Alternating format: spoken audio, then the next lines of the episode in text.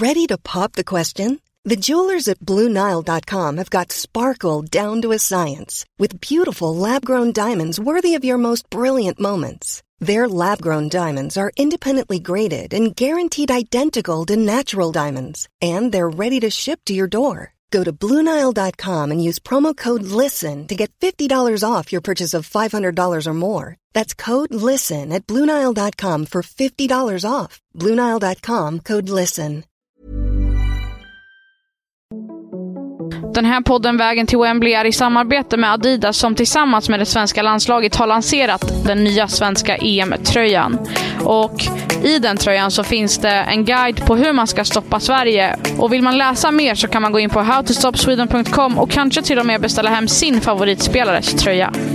Då sätter vi igång.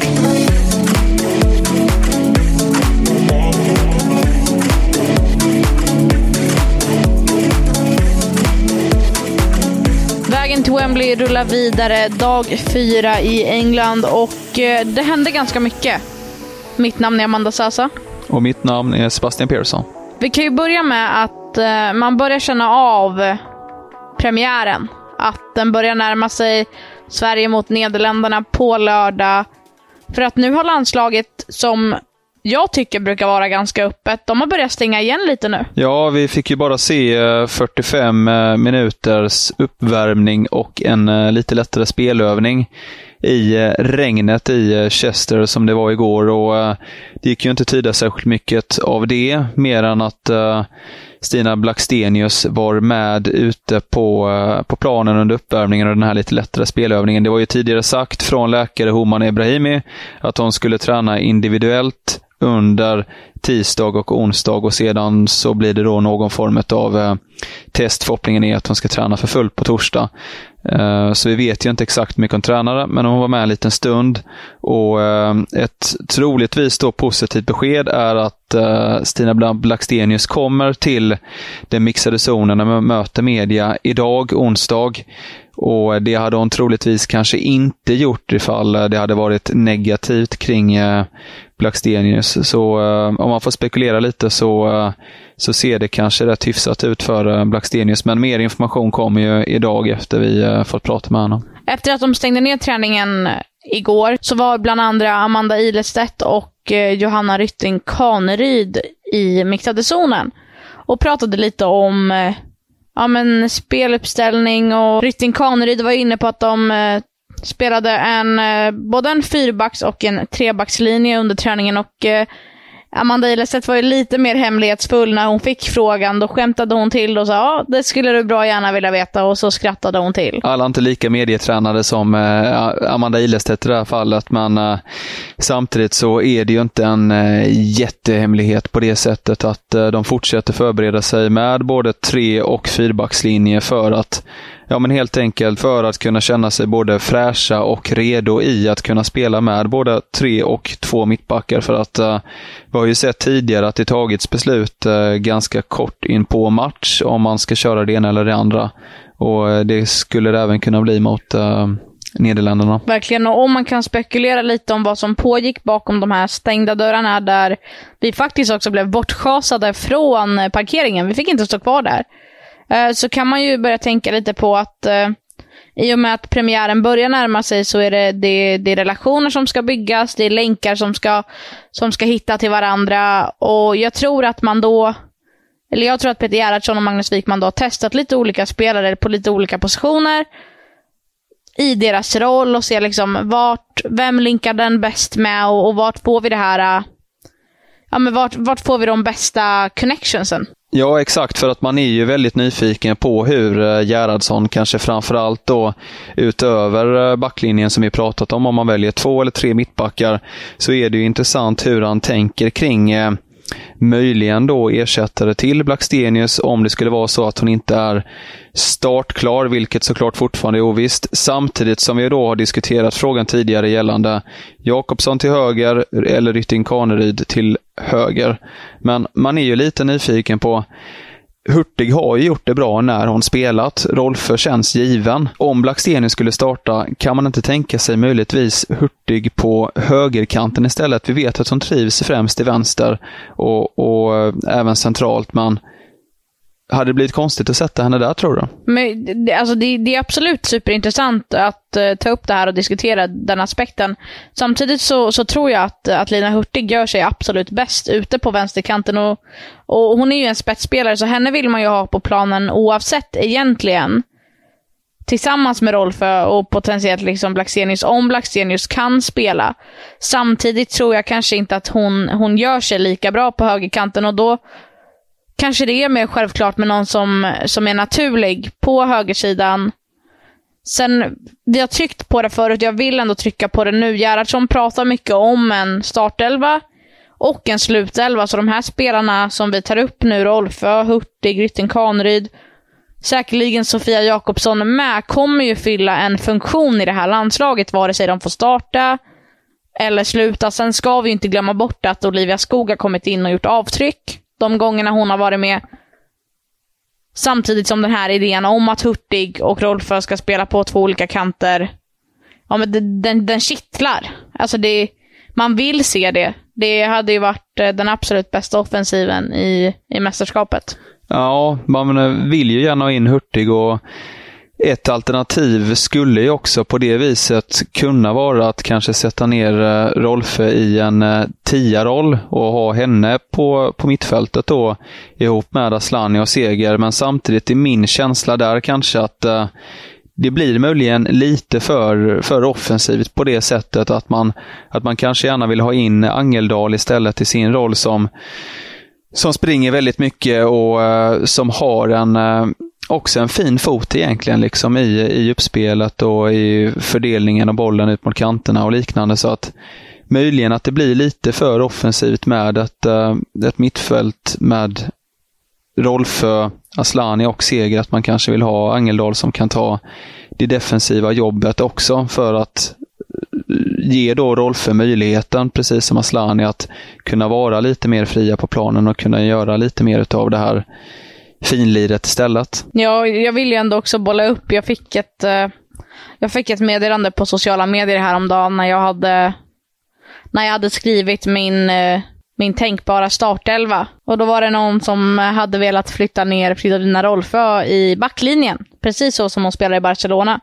Sen spelar Sverige en helt annan fotboll. Så jag tror inte att, att det kommer hända under Gerhardssons eh, regi, men det hade varit intressant att se i det svenska landslaget i och med att de spelar en helt annan fotboll än, än, än Barcelona. Samtidigt som jag inte tror att det hade blivit så jättebra. Nej, det hade känts väldigt konstigt. Det känns nästan som att man uh, skulle utnyttja henne helt fel i det läget. Uh, jag skulle säga att man behöver hennes kraft offensivt och uh, kreativiteten där för att det, det ska kunna hända grejer när det är lite tillknäppt. Vi har sett uh, Rolfös styrka i offensiven uh, ett antal gånger tidigare. så att det det vore nog eh, dumt av Gerhardsson. Men det, det, det är alltid intressant att och, och spekulera kring detta som, eh, som vi gör nu också. För att det man, man förstår det när man pratar om det nu, att det är ett äh, jäkla pussel för Gerhardsson där framme att äh, få in alla spelare och det, ja, det är säkert tusen tankar i hans huvud kring hur han ska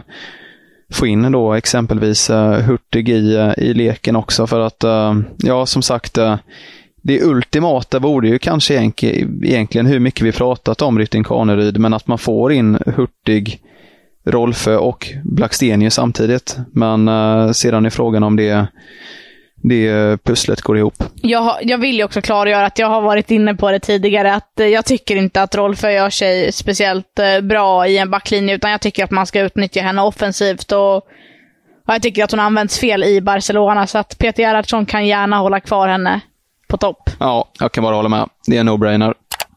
Ett annat ämne som, som var på tapeten idag, som vår kollega Olof Lund kronikerade om, var ju om det finns någon vinnarkultur i, i Sverige i och med att eh, de senaste 22 åren har man spelat fyra finaler samt ytterligare fyra semifinaler, men ändå har man inte lyckats ta något guld. Vad känner du? Känner du att det finns någon vinnarkultur i Sverige?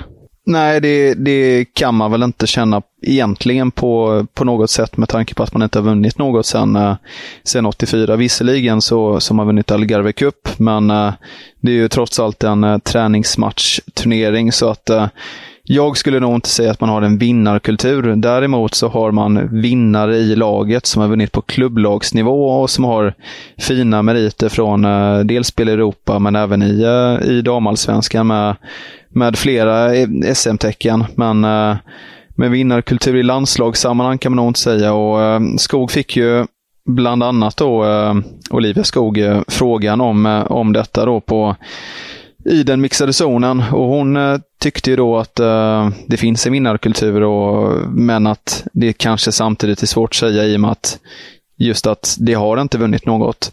Samtidigt så vore det kanske konstigt på ett sätt om man inte eh, hade sagt att de har en vinnarkultur. Och, eh, det hade väl kanske på något sätt gått emot då lite den här tron man då har på att, eh, att eh, vinna EM i sommar. Så att Ja, men jag tycker väl ändå rätt att uh, man trycker på att man har en vinnarkultur och att man just för att fortsätta skapa den här starka tron i gruppen på att nu ska vi gå hela vägen, nu ska vi göra det tillsammans. Skulle man inte tro på det själva, att man har en vinnarkultur, så, uh, så tror jag säkert också att det blir svårare att, att gå hela vägen, även om uh, det faktiskt är så då kanske att man inte har en vinnarkultur. Ja, och samtidigt så ska man ju också ha i åtanke att det här är ett lag som har vunnit nästintill varenda match det senaste året. Senast de förlorade var ju OS-finalen. Och, och, då kan man inte säga att det inte finns en, en vinnarkultur. Men den går att ifrågasätta, absolut, i och med att man inte vunnit några mästerskap. Men man har tagit sig till alla mästerskap och man har vunnit, eh, man har vunnit många matcher. Ja, det är i varje fall en, eh, en eh, positiv eh, trend här såklart, så vi får ju se ifall eh, man fullföljer detta och tar det här efterlängtade guldet i sommar.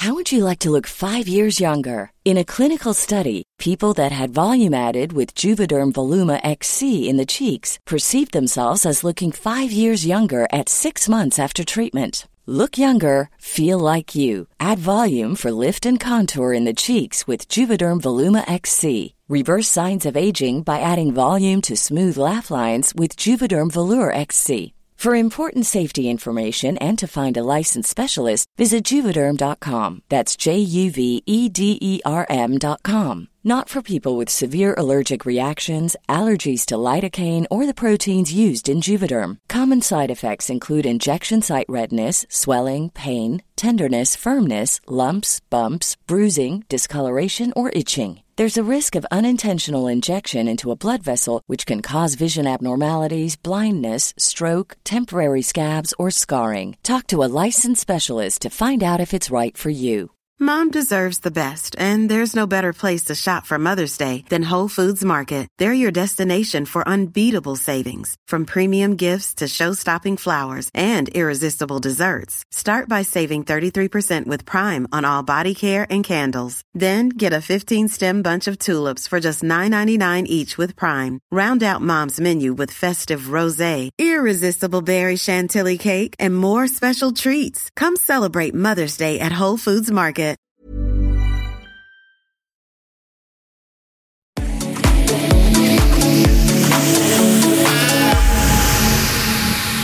Och EM-svepet inleder vi med eh, tisdagens eh, solklart största nyhet i eh, EM-bubblan. Och det är ju självklart då eh, Alexia Putellas senaste Ballon d'Or-vinnaren och eh, Spaniens klart största stjärna.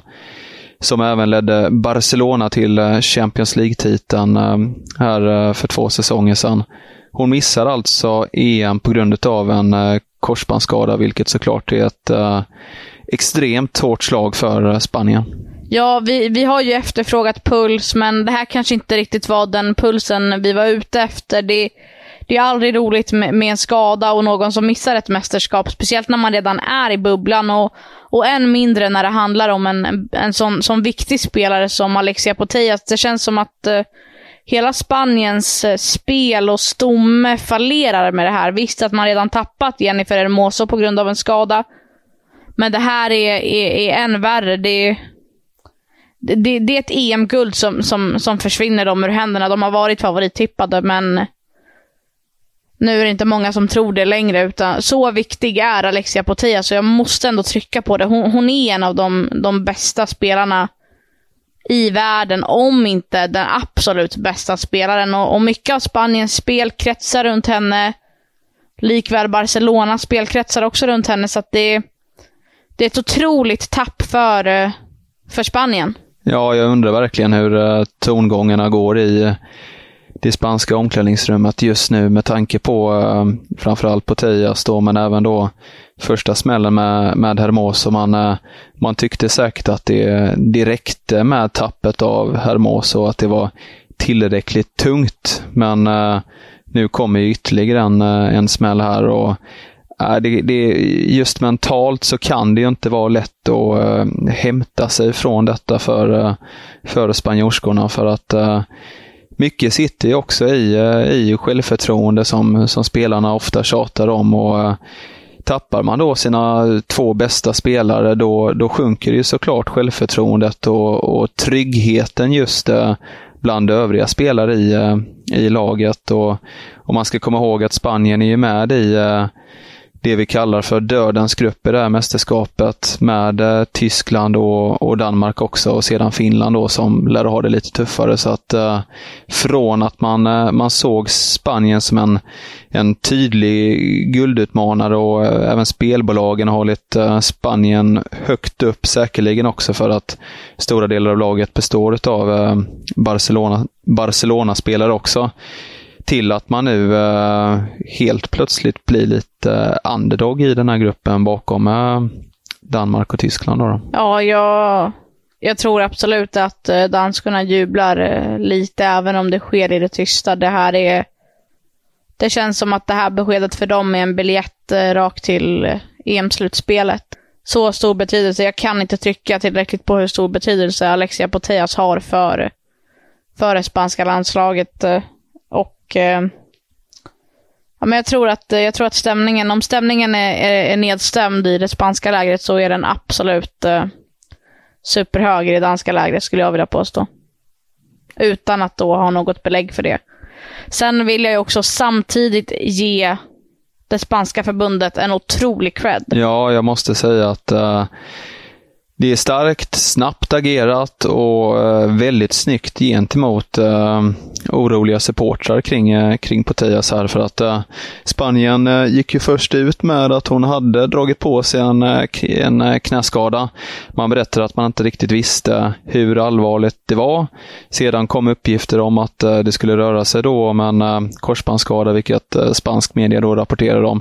Och bara Kort efter det så bekräftade även det spanska förbundet, vilket ledde till att det knappt blev särskilt mycket spekulation. Visserligen var det ju ett par ovissa timmar för eh, supportrar och, och folket i Spanien, men eh, samtidigt så eh, visade det spanska förbundet både snabbhet och, och styrka i att uh, vara snabba och, och ge officiella besked kring, kring Potias, vilket såklart är, är väldigt snyggt och och bra på alla sätt och vis. Kommunikationen var av allra högsta klass när det, när det kom till just det här beskedet. Och även om det är ett tråkigt besked för spelarna så tror jag ändå att det speglar av sig ganska, ganska positivt. För då har de fått svar, de behöver inte undra över det här och så kan de fokusera på nästa träning.